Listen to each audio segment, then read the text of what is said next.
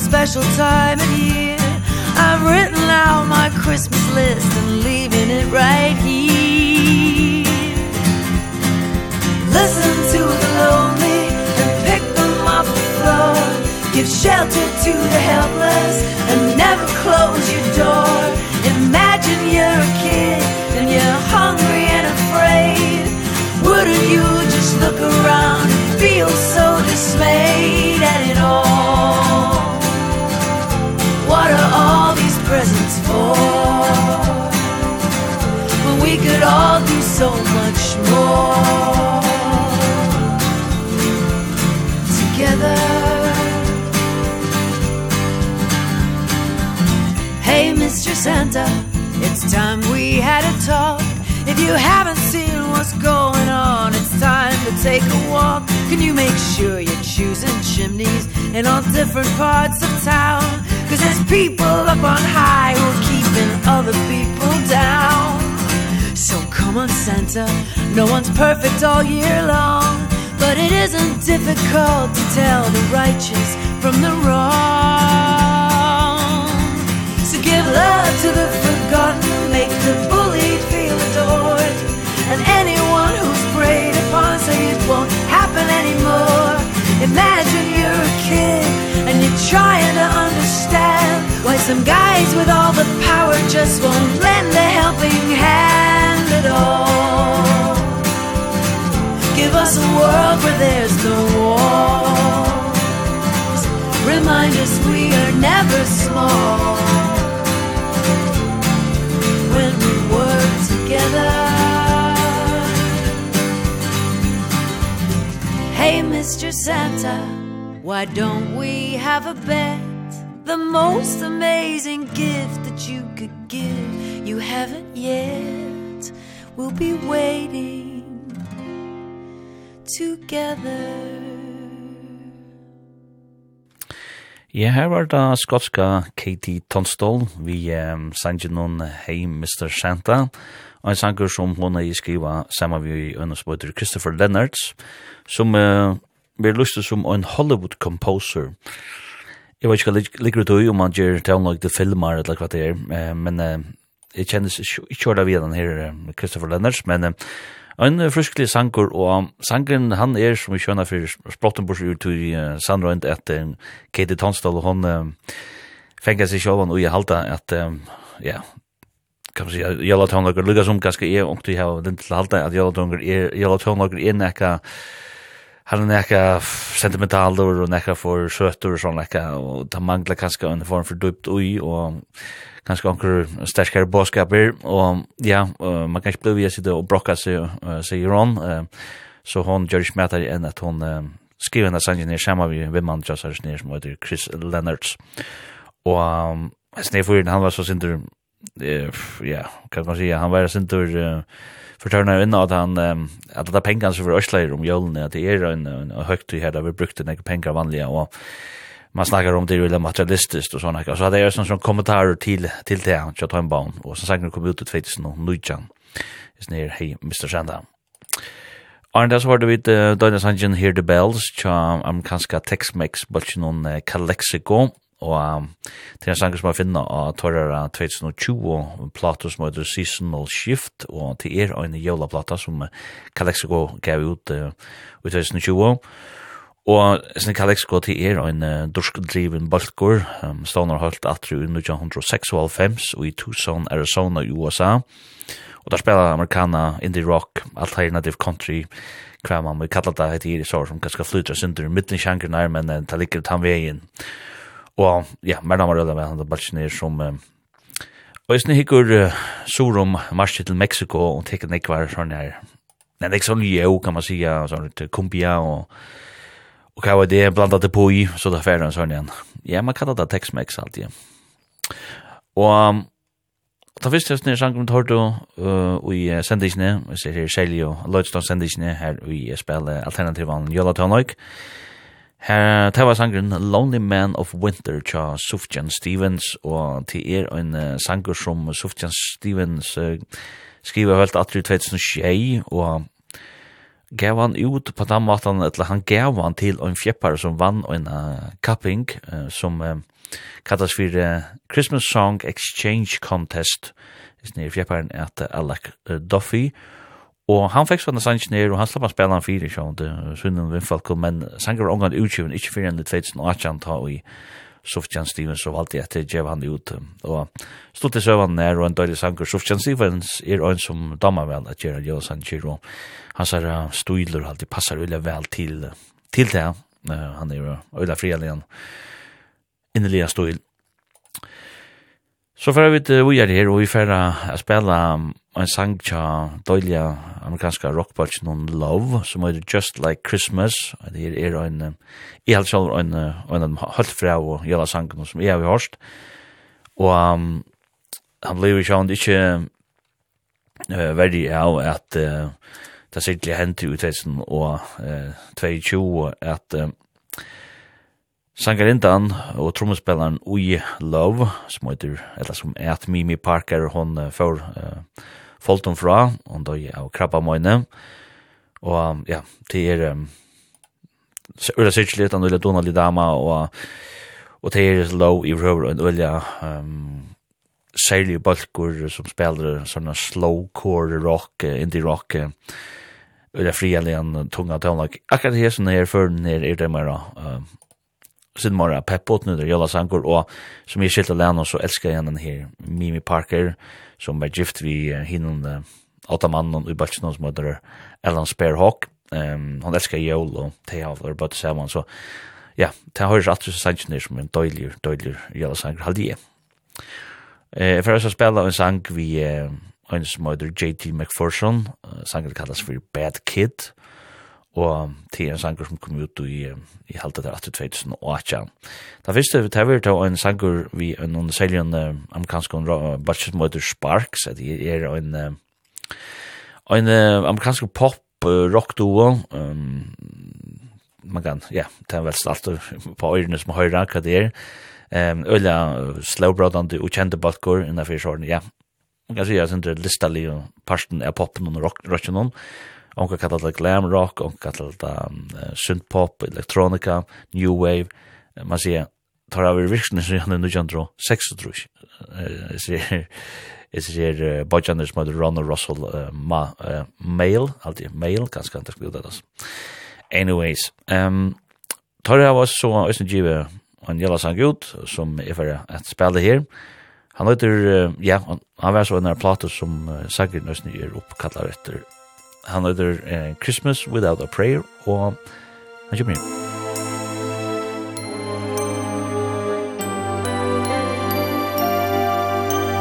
Christmas without a prayer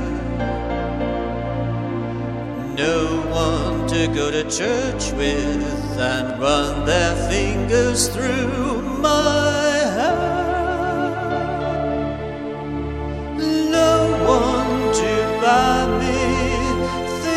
I don't want bright colored ties monogram things an album by wings Christmas without a prayer.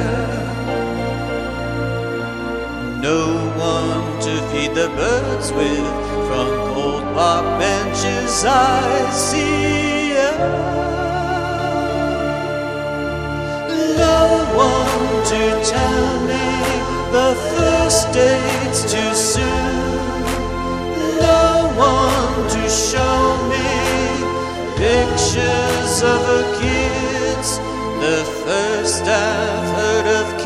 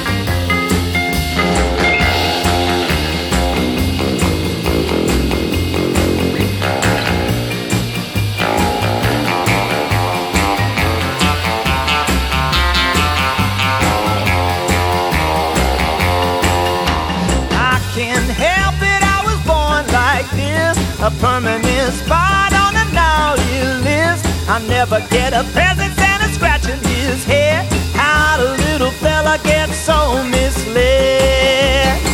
In the downtown store on a silent night Holding on to mama's hand. In the toy department people waiting in line Looking to me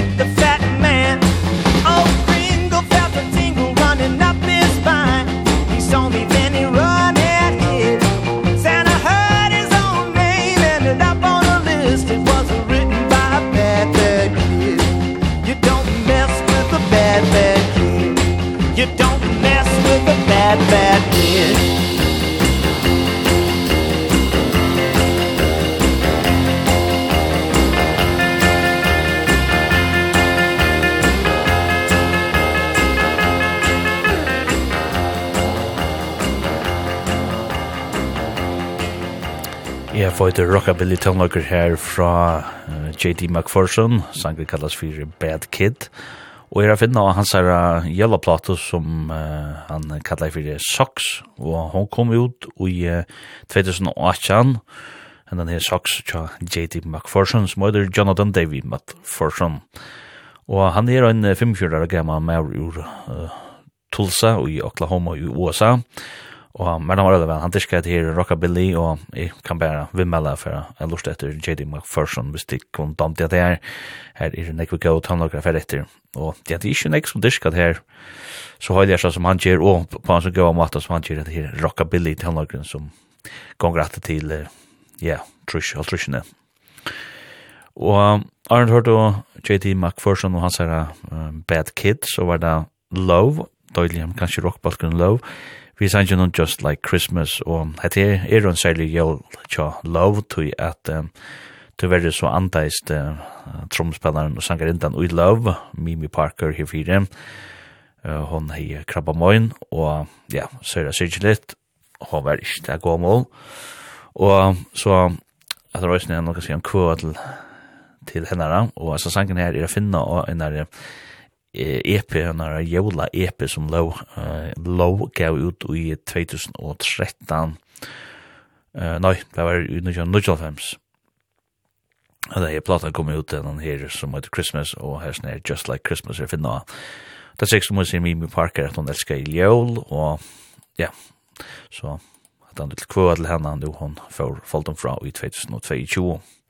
Da fyrst jeg som trimmen her, sangen her, ta var sangren uh, Christmas Without a Prayer, tja legendariska amerikanska balchinon Sparks, uh, og sangen er å finne av en her platu, jøla platu vi saman navnet som kom ut i 2015, og eisen her Sparks er en balkur som er rettelig særligur, han uh, spiller enn, men hever virkning som 1906 og trus. Det er bachan er uh, Ron og Russell Mail alltid det skal uttalast som mannen den her balken som er, ja, er en sånn en, hva man kallar det, en rettelig særlig balker som, eller vi kjentur, kanskje ikke rann jeg kjenner han, særlig ikke forrige, men, eller vi kjentur innenfor tøvna gud nei. Så lort etter Lloydstein, og til er, han sender ikke noe Arnon til Lloydstein i ferden, og i Nissikvina, og spiller Jøla Tonløyk, og og det er så sjåan det alternativ i alle tannlager, som er inne å spela, bare vi åpner sin øvelse, men tre så etter gode tøvnlager, spika hamrande for i alle tøvnlager for sida på den måten.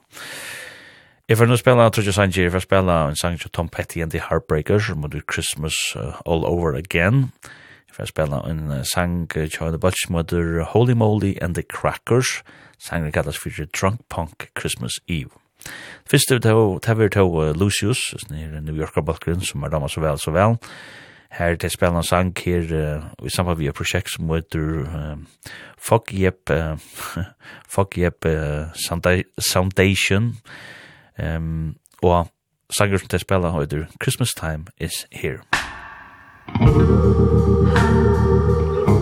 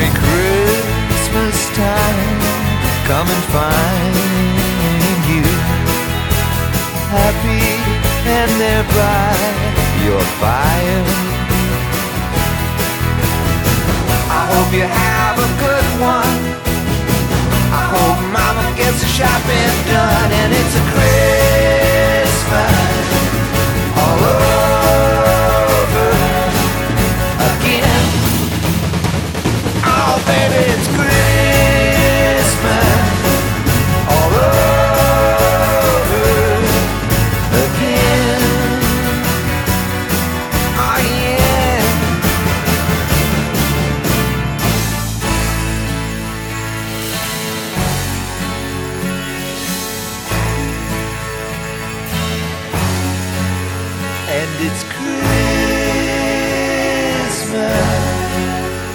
all over again.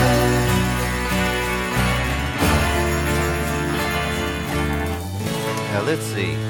I want a new Rickenbacker guitar two Fender Bassmans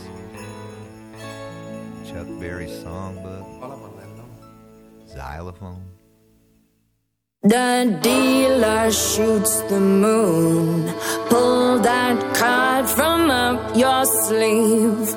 Now you're up, you bought 24 Double vodka shots for yourself On Christmas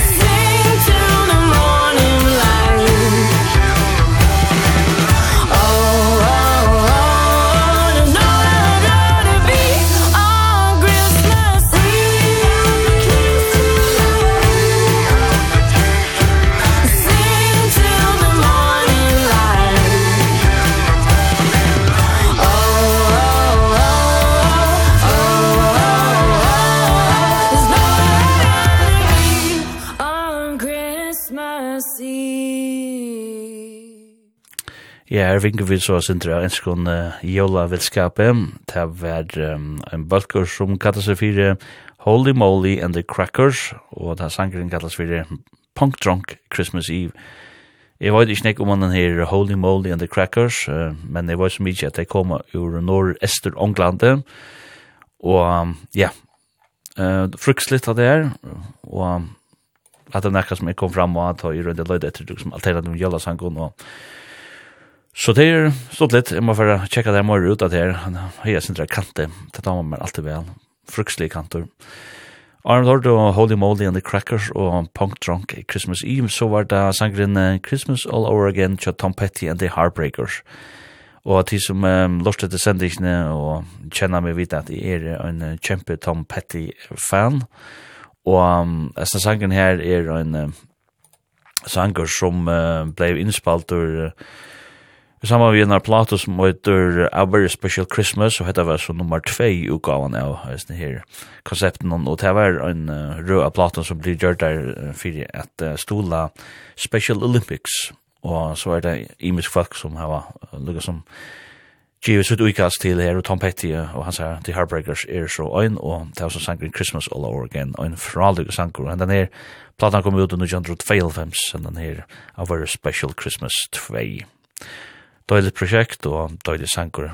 Jeg må få for lusta meg etter nere i fløyre. Kanskje det er noe spennende er, er det sanger som er her som vi kunne spalta nere for.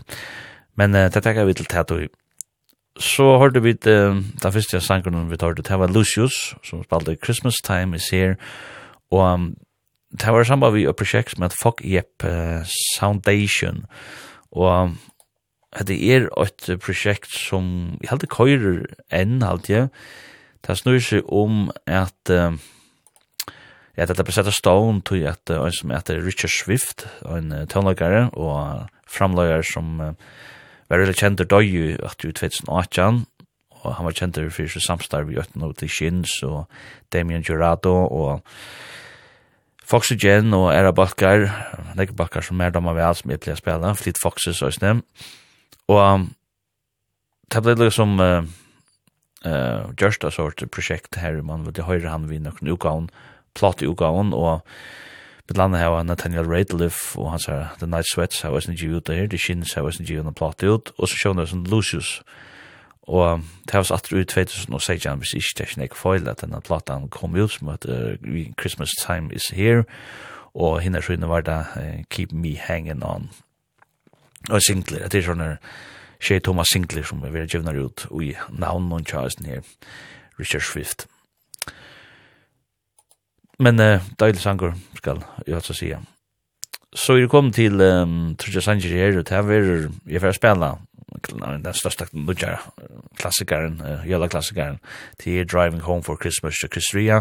Mer var øle vel, Chris Ria, jeg spela han kanskje ikke ofta, men Ta jeg for i høve som til dømes til jøla, så har alltid opplagt å spela Chris Ria. Chris Så får jag spela... Ja, nu är det inte här. Uh, får spela Bob Dylan.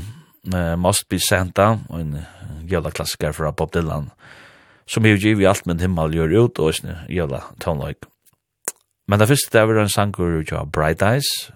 Det var törra uh, utgave av en, ja, ja, ja, og en til av Blue Christmas. I'll have a blue Christmas without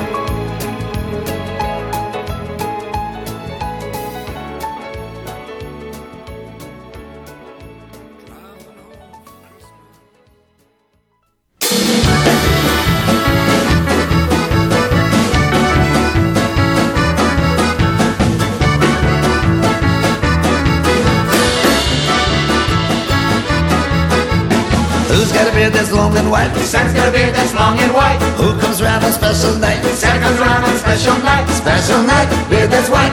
Must be Santa, must be Santa Must be Santa, Santa Claus. Who wears boots and suit of red? Santa wears boots and suit of red. Who wears a long cap on his head? Santa wears a long cap on his head. Cap on head, suit of red. Special night, beard that's white. Must be Santa Santa, must be Santa, Santa Claus Who's got a big red cherry nose? Santa's got a big red cherry nose. Who laughs this way, ho, ho, ho? Santa laughs this way, ho, ho, ho. Ho, ho, ho, cherry nose, cap on head, suit that's red, special night, here that's right. Must be Santa, must be Santa, must be Santa.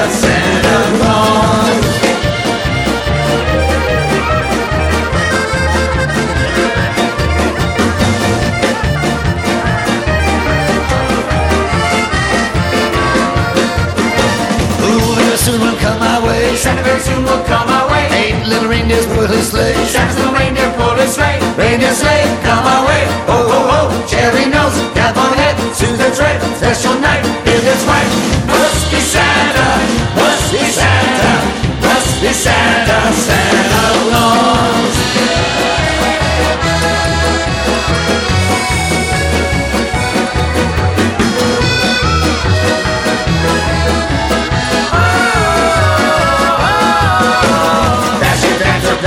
Nixon, Eisenhower, Kennedy, Johnson, Nixon, Thatcher, Dancer, Prancer, Vixen, Carter, Reagan, Bush, and Clinton, when you're straight, come my way, ho, ho, ho, cherry nose, cap on head, suit that's red, special night, beer that's white, must be Santa, must be Santa, must be Santa, Santa Claus, must be Santa, must be Santa, must be Santa, Santa Claus.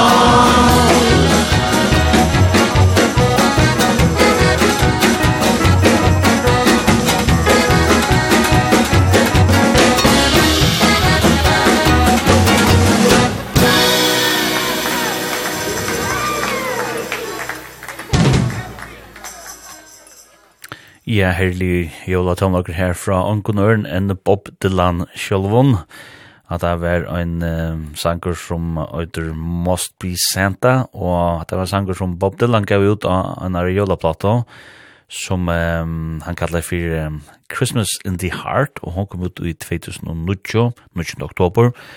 Og ja, døylig, frukslitt å uh, høre Bob Dylan og i uh, Hasson Lennon og Og Arnold hørte Bob Dylan og hans herre Must Be Santa, så hørte vi et um, uh, Sanjin, uh, skal jeg lukke brevi her, så hørte vi et uh, Sanjin um, uh, Driving Home for Christmas tja Chris Ria sjålvande, klassikeren tja Chris Ria, og um, til en av sanger som um, han gav ut av en plato som heter On the Beach og 1906 og 1906 og at det er en sanger som heldur 100% enn, og en klassiker, en nutjur jævla klassiker, må man sige, tja Chris Ria, og ja, og som man alltid kan være at til, og Chris Ria, han er alluvig og sen, han sendt til at, jeg blir 41 år gammal, men det er ikke nek man høyre til han i det jeg vet ikke om, ja, det kan man så alltid finne det av. Um, og så den første jeg snedde til med sanger som spalte her, det var uh, utgaven uh, av Blue Christmas tja Butch Non Bright Eyes, og um, det er en uh, utgave som uh, Bright Eyes gav ut i um, uh, 2002, og han er plass som heter A Christmas Album. Og Bright Eyes, det er en, um, jeg skulle ikke nevne å si at det, at, at, at, at det som kom inn, uh, samma vis sölna så platen är uh, har för till uh, ett som kallas för Nebraska AIDS Project. Så det får till ett gott ändamål. Och Sen Bright Eyes Balkeren til er en balker som har spalt uh, saman sin 1995 fram til 2011, så hilder han steg inntil 2020, men er så virknatter. Og åtta med han uisen her til er en som heter uh, Conor Oberst, og han er en uh, sterkur tøvnlista med som jeg har spalt nekvis i sendisene mine, jeg har haft han med nær og um, til reisne er en som uh, som vi kære uh, vinner Peter Roach, uh, vim alt dette, han var i sendisene og spalte tøvnløyk, og til han må vi fyrgjere kjøtt atter i Peter Roach, det var en uh, døydel løtta, og han sendisene, og er er lødstans sendingar, det kunne høyre sin i heimasynet, ja, sendisene som er kvf.fo framskak lødstans, og det finnes også som uh, potovarsper ute og, uh, Spotify, Så til er det bare for lust at her var en gav sending. Nå, vi er kommet til... Um, ja, vi er kommet til... Um, Trudja Sanchez er vi... Um, Øyne vi Big Star, øyne... Rattlig av er balkur som uh, var øren balkun til støvran ui blåstur, og ommalar domte han vel, men Big Star ble hongan til Big Star, eller ta brongan til støvran støvran støvran tui at ja, åhørerne fengt det bare kjørtelig for en ganske nu at han um, tør i liksom uh, at balken ikke til mer ordentlig. Uh, og det så ser det vi som balken, der har jeg til lagene at uh, at har er øyla populærer mittlen ommalare og mittlen uh, folk i tånløyga utnægnen og tånløyga annars, men uh, binde ikke orda frema mittlen folk. Det er også undalig som kjeda, jeg vet ikke, til så ser jeg bare kvart og bygst der øyn av den bakgrunnen. Jeg får spela en sang til høyt med Jesus Christ, og så var jeg spela en sang til Tom Waits, sånn her sterska tånløyga mannen, Christmas card from a hooker in Minneapolis. Fyrst vi er til en nutjur, en nutj tulking av en sanger som heter So Much Wine. Til er en sanger til en balt som heter The Handsome Family, uh, men uh, til er en som heter Phoebe Bridgers som hever uh, tulka en sanger nere. Jeg vet ikke, det er ganske ikke nek som vidar hvor The Handsome Family er, men um, uh, ja, nok til fast til fast flyer som kjenner ehm serien om True Detective, det er røyna. Ehm og her vi ta ta røyn byrja så ble ta ja, ta jo sesong 8. Um, her var ein en sangur vi her som som er alltid som var ærlig eikendur og Far From Any Road kallas han sangen her, og han sangen, han åtte The Handsome, Handsome Family. Ikke The Handsome Family, The Handsome Family. Og ja, vi skal høre en tulking som uh, Phoebe Bridger her i Georgia, uh, jeg var sånn sangen her, og Øysene her er det talen om at uh, alle vinninger av sølene av sangen og fer til å gått enda mal, og hese føren er til LGBTQ-sentri i Lamistøyene og i Los Angeles. Og det er det som er nekk tøvnlager folk, eller tøvnlager bruker til det at det gjør vel i Los Angeles ut, så fer det til godt endamål. Og når jeg, eh Phoebe Bridgers hon har jo det til en vennan ut til at det gjør sang och Jeva sang ut og Mari her hun tolkar eh gjør Sanger hon er mitt landa tolka uh, och sang tja Merle Haggard Hon nu tolka If We Make It Through December, det var 2020, hon og også tolka Tom Waits, Day After Tomorrow. Hon nu også tolka uh, sangen her, uh, Simon Garfunkel, som, som heter 7 O'Clock News, skrastika Silent Night. Og ja, så det blir en liten tradisjon til det Donald og damene, 80 år gammel Phoebe Bridger. Men uh, njød denne her, her kommer uh, So Much Wine. Musikk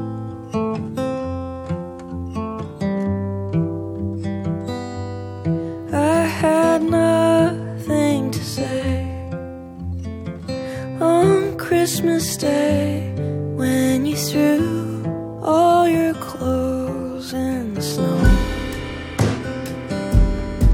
When you burned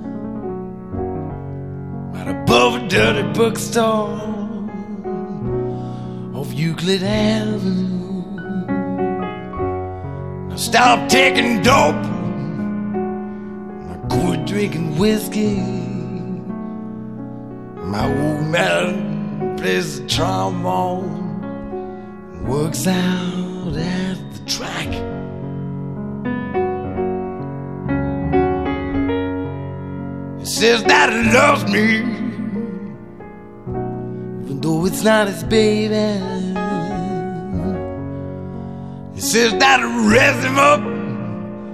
Like it was on sun. They gave me a ring that was worn by his mother. It takes me out dancing every Saturday night.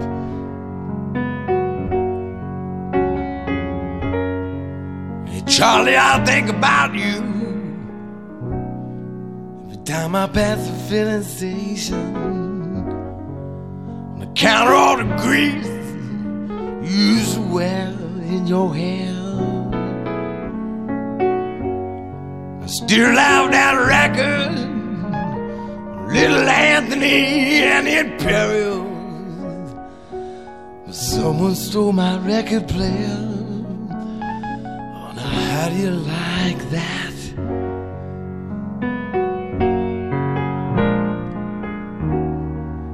Charlie, I almost went crazy After Mario got busted. I went back to Omaha To live with my folks. Everyone I used to know Was either dead or in prison. So came back to Minneapolis time I think I'm gonna stay.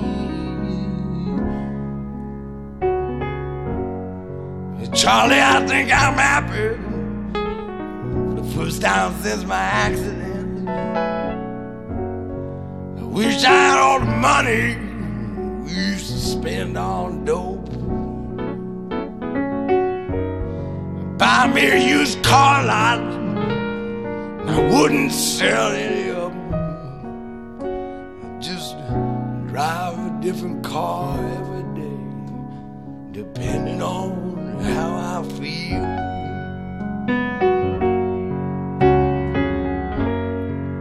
Hey Charlie for Christ's sake if you want to know the truth of it don't have a husband. He don't play the trombone. Need to borrow money. To pay this lawyer Charlie Hay. I'll be eligible for parole. Come Valentine's Day.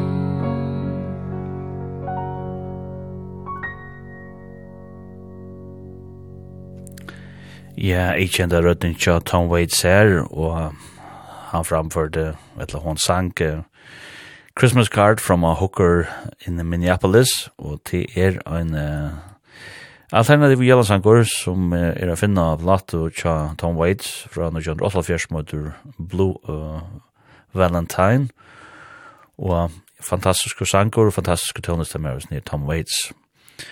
Arnold hørte Tom Waits, så var det uh, sangren Jesus Christ tja Big Star, og Og ta sangen er finna av platene Third, Tja Blickstar, og hon kom òsni ut til 1988. Og så var det Phoebe Bridgers og henne er tulltjeng av sangen on So Much Wine, Tja The Handsome Family, en døydel tulltjeng, tja seg her Donald, uh, tallesta kvinnene ur USA.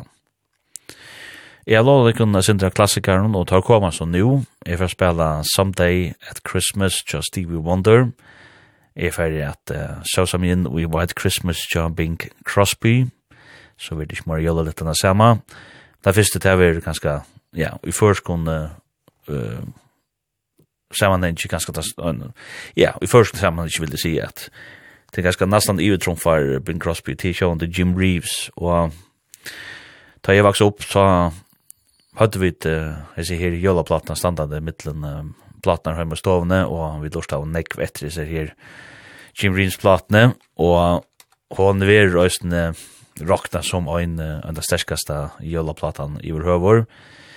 det så andajsnes ned Jim Reeves uh, i 1904 trus og hans fjörder er gammal, han uh, døg jo innan flåvan loko, men uh, han sier, Tønlager, han, uh, han uh, stender etter, og livet vi er vel og vilja.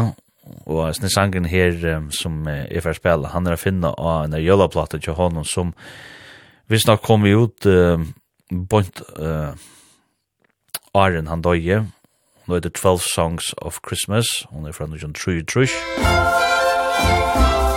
Og jeg har henne så fyrir jeg spela en sang her som heter uh, Senior Santa Claus. Senior Santa Claus. Dear Senor Santa Claus, I think I tell you what. I would like for Christmas and I hope you won't forgot I only want a peso that I can have for mine To get my senorita something for Christmas time. I don't believe you read the card last Christmas that I sent. You come to see the kids across the street and then you went. Dear Senor Santa Claus, I think me understand. Sometimes the toy's all gone before you reach the Rio Grande.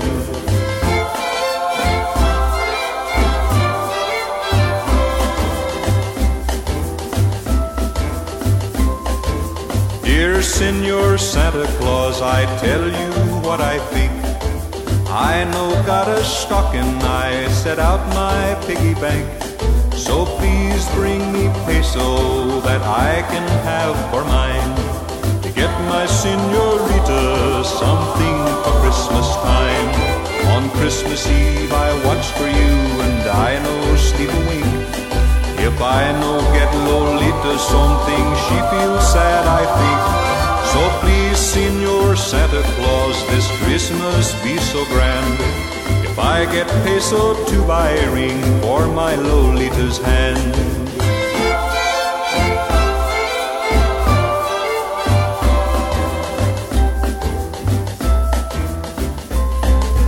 I don't know what I buy for her, I think I buy a rose. So she can wear it in her hair most everywhere she goes. Senor Santa Claus, this Christmas be so grand. If I get peso to buy a ring for my Lolita's hand. If I get peso to buy a ring for my Lolita's hand. If I get peso to buy a ring. Someday at Christmas men won't be boys Playing with bombs like kids play with toys. One warm December our hearts will see a world where men are free. Mm, Someday at Christmas there'll be no wars. When we have learned what Christmas is for When we have found what life's really worth Then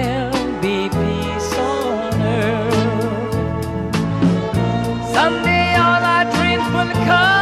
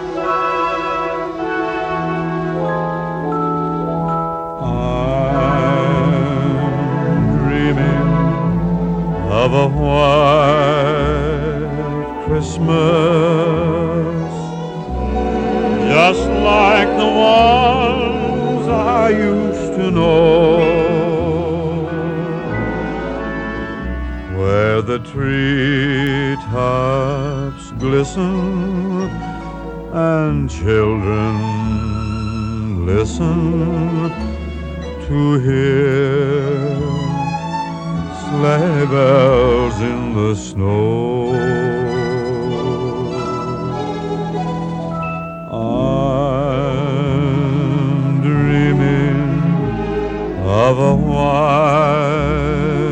Christmas.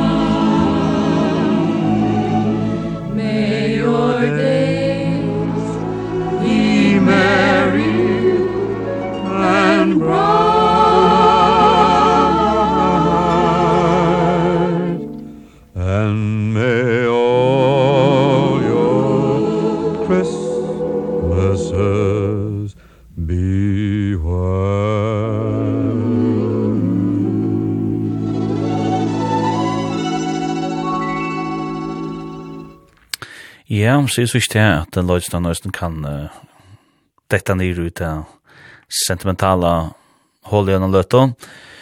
Da det kommer til jævl, og hatt av oss løttan, vi har hørt da først her, um, eller så ikke her, uh, White Christmas Job Jumping Crosby, og en sanger som han sang i 1900 og øyne fjørde, og da kjørte han uh, i en utvarsps, uh, og i en utvarssending som heter The Craft Music Hall, det var jævla dagen og det var nekka få viker at han at Pearl Harbor eh, var fire alloppe av uh, japanaren, eh, og men sangen er skriva av, av Irvin Berlin, og han var skriva av til en musical alltid det var, uh, i 1940, og um, men han ble så av Olvara kjentur vi Bring Crosby, han sier gav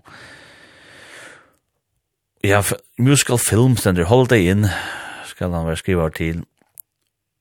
Men um, at det er, er den best seljande alltid singlan jeg kan døy, um, og bare singlan til Bing Crosby, hun selte under alt trus millioner øyntuk uh, kring heimen, men som akkur atler imisk og utgavnar av sannsyn noen uh, asiatet tøy Crosby, så er så sangren uh, selter i iver hundra millioner nøytøkken, og det er ikke øydja.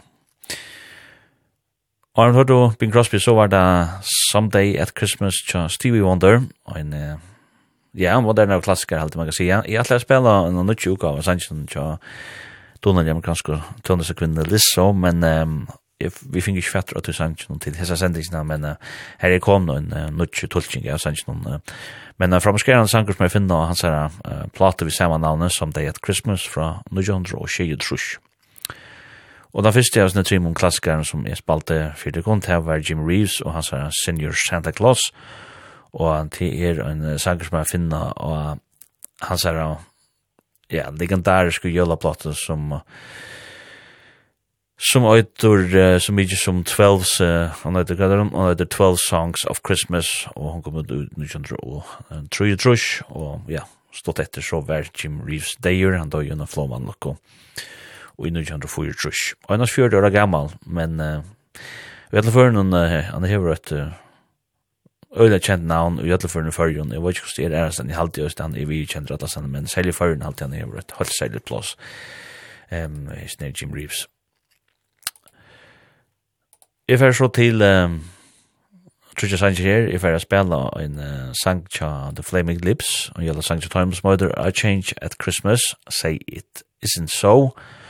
Jeg fer spille en tja Liam Gallagher, snir og en uh, heltene av uh, Oasis, kema sang ut for noen år så gjerne, og gjelda sang tja All You, uh, All You're Dreaming Of, og jeg tror det er øyla vel, etna or jola sanko fra Liam Gallagher. Fyrste vi tar vi Chris Isaac, og han kommer her vi Brightest Star.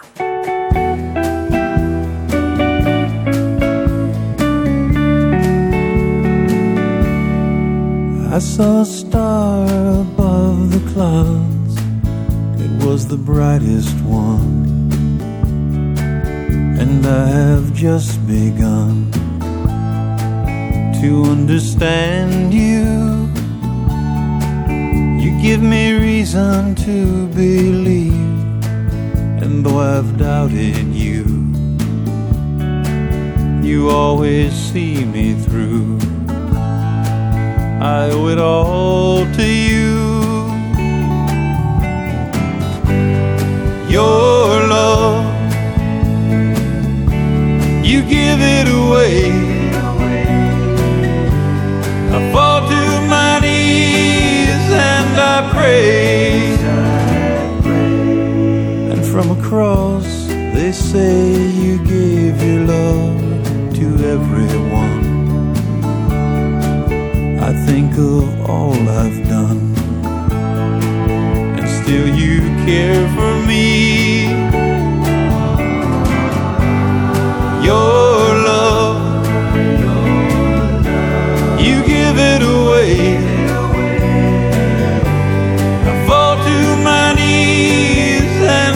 praise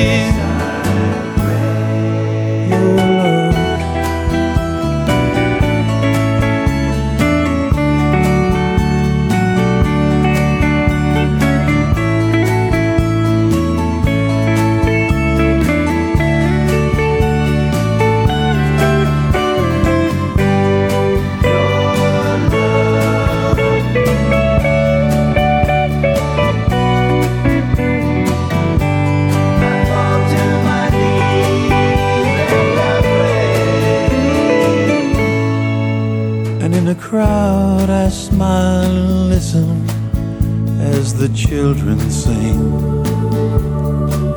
Their voices caroling. Each year it means one thing. Your love. You give it away.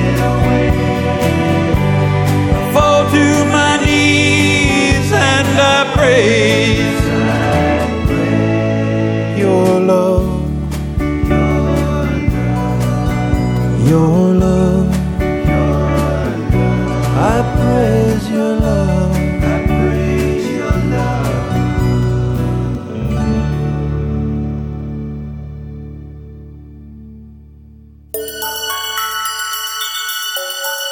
All right, here we go.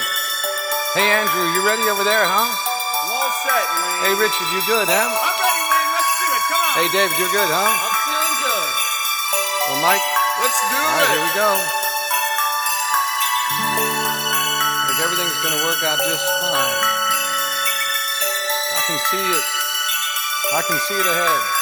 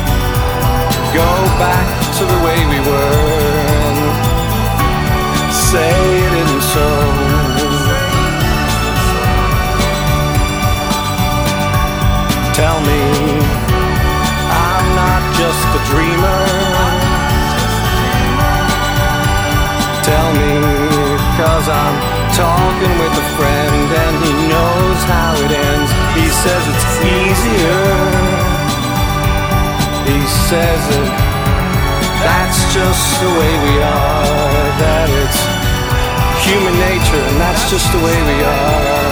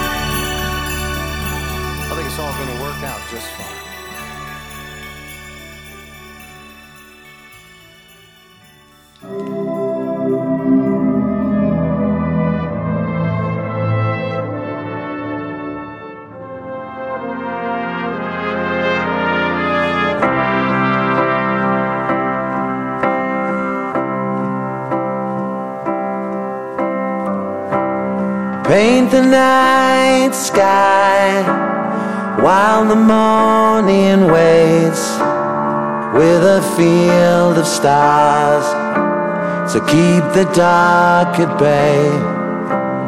Take your spotlight Underneath the moon. Sometimes a miracle Is all that can carry you. Oh, what you dreaming of is it the kind of love that'll be there when the world is at its worst. That'll cover you in kisses unrehearsed. When you're losing ground still sound you're dreaming of. Shut the pain but Come and rest their wings Upon your windowsill Without a song to sing. Close your eyes and Disappear inside all that is beautiful.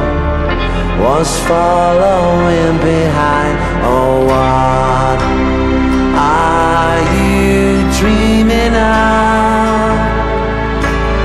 Is it the kind of love that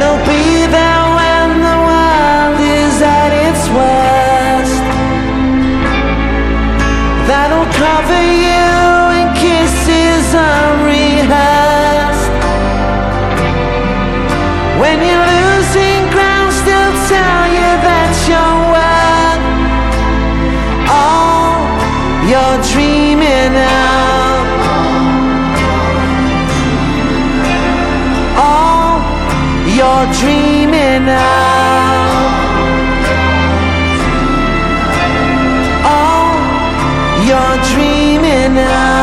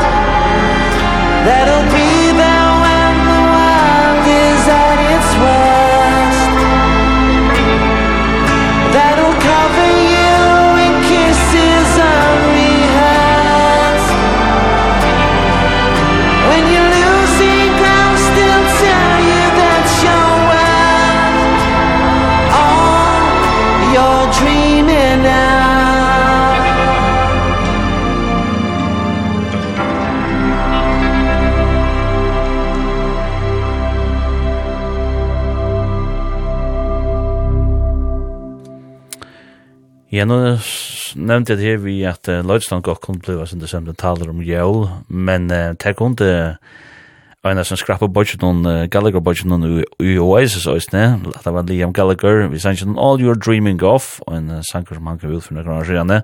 Og jeg sanger, men uh, som vi minnes da, så var det også, ne. Uh, fire okre velgerande endamål. Og Arne Arda vid uh, Flaming Lips. Vi sang ikke noen uh, Change at Christmas. Say It Isn't So. Og Og Arne var det Chris Isaac og hans er Brightest Star. Lors etter Lloydstein og til er Lloydstein og Alternativ Ljala Sanger. Og vi narska senda og ned, vi hava plås til nekkar Sanger av treat, la meg vita om vi kan få uh, crushed nekkar inn her. Jeg får byrja vi um, uh, fyrst vi da uh, Eels og tar Christmas is going to the dogs og uh, Cocktail Twins og Frosty the Snowman. Eh, men det første er sånn trim nere til vi så Christmas in the Prison, John Prine.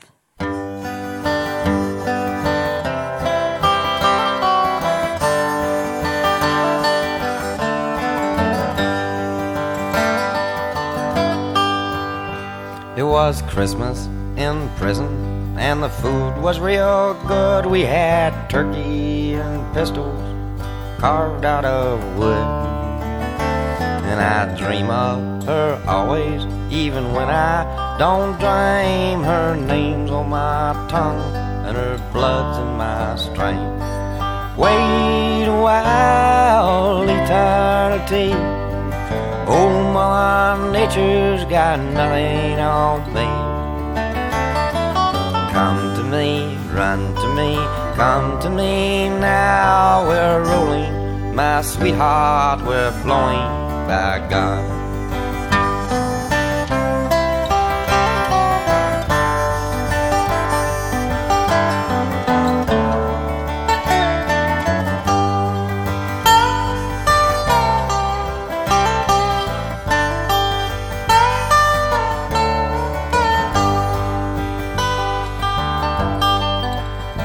She reminds me of a chess game with someone. Admire all a picnic in the rain After a prairie fire. Her heart is as big as this whole goddamn jail And she's sweeter than saccharin at a drugstore sale Wait a while, eternity. Old mother nature's got nothing on me Come to me, come to me now We're rolling, my sweetheart We're flowing, by God.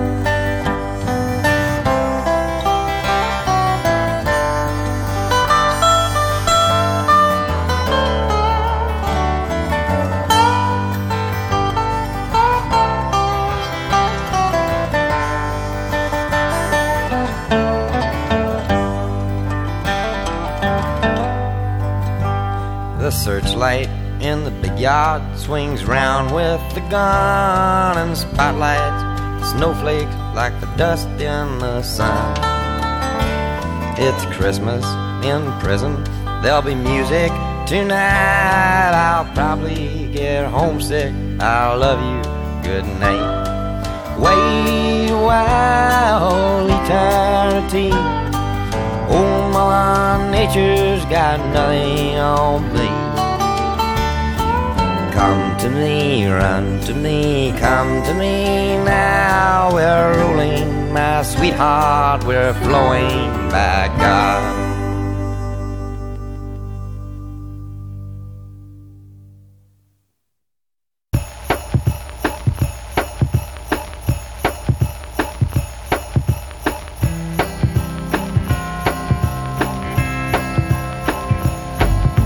Get off your sled and go to bed. Don't you ever tire. Throw a bone, I'm finally home. Curled up by the fire. Snow is falling from the sky Like ashes from an urn. Sweet dreams, my little one. Now it's my turn. Well, Christmas is going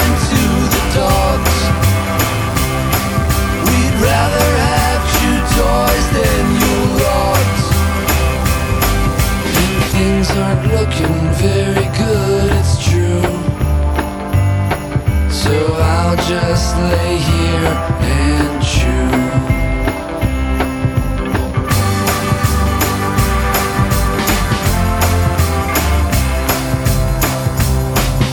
Now when I sleep I like to dream Of rabbits in the snow Jumping right into my jaws From their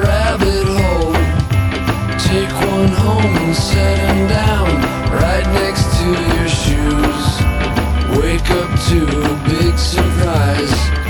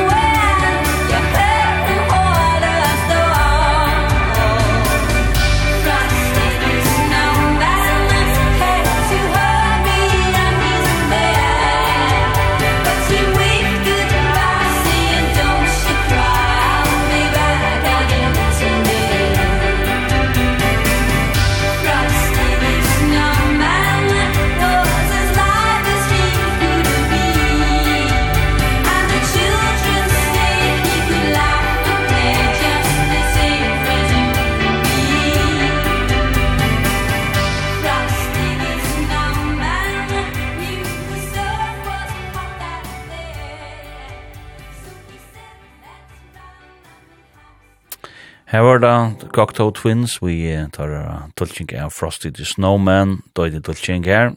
har du Elis, vi Christmas is going to the dogs, og så var det først av etlen, uh, var det John Prine, Christmas in the Prison, og en fantastisk gjelda sanger nær, John, John Prine sa da, som uh, tyverre døy av korona. Jeg fyrir at enda nu, uh, vi er sånne her, jeg ser løtene, vi alternativ med Jala Sankom, du har lurt etter Lloydstein, og um, jeg fyrir at seg her, uh, sendingsna ut av heimasyna tja sendingsna som er kvf.fo framskrak Lloydstein. Og kommer ut som podvarsp og så ligger nøysten av Spotify til å færre å finne den her. Og så har vi en Facebook-venka som er Lloydstein som til kommer dama og så kommer vi ryser i oss i gøven huskodon hva det vil hjem Vi er snir så var jeg innsett ikon en gledelig jøl og alt det beste og men vi tar oss mittelig Jørn Lutjard du tar for Eila Sjørensen og er under Løystein Hansen at spela nekka til besta um, alternativa tonelage som er kommet ut i 2022. Takk om du suklia deg nøysene til. Men uh, jeg får spela Fairytale of New York tja The Pokes og jeg får prøve å spela en smøytor uh, Christmas Down Under tja Phosphorescent og kanskje få tog til Christmas and Me are True tja Eurovigas. Men uh, det var det. Alt er best her ute i Ansen og Velekting Sjåvån.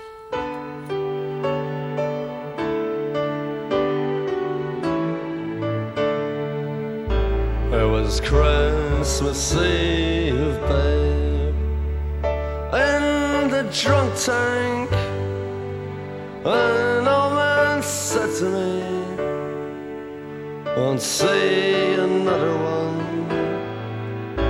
And then he sang a song The rare old mountain dew I turned my face away and dreamed about you.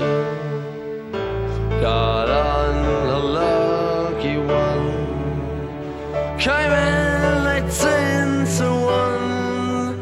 I've got a feeling this year's for me and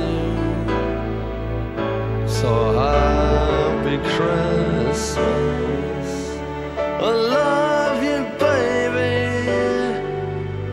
can see a better time When all our dreams come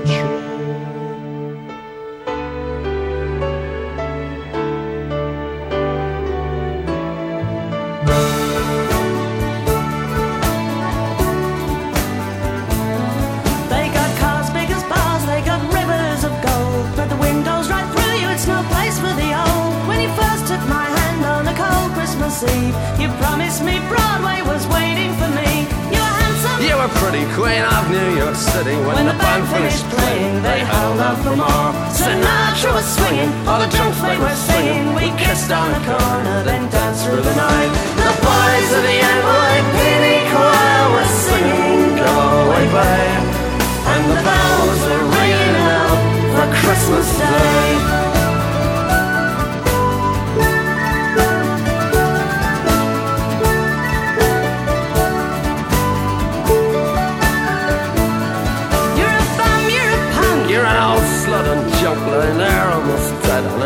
been at bed You scumbag, you maggot, you cheap lousy faggot Happy Christmas, you're ours, I pray God it's our love. The boys of the NYPD chorus Still singing, go and play And the bells are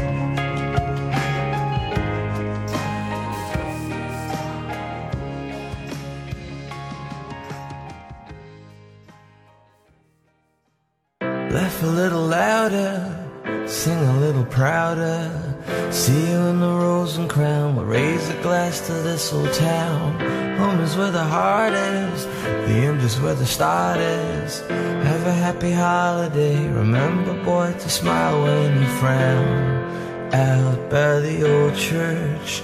I can hear them say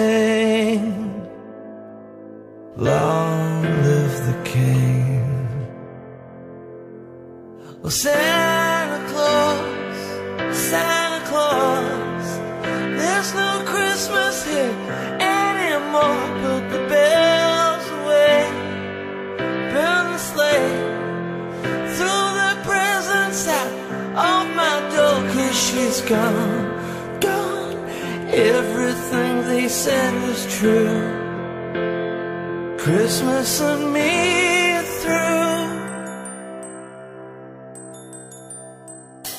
Why'd you go and leave me? I guess you didn't need me. Funny when you did it, hey I'm all alone on Christmas Day. Wonder where the time goes Dressing in the same clothes. Funny how the turkey tastes When lunch is from the microwave. Cold down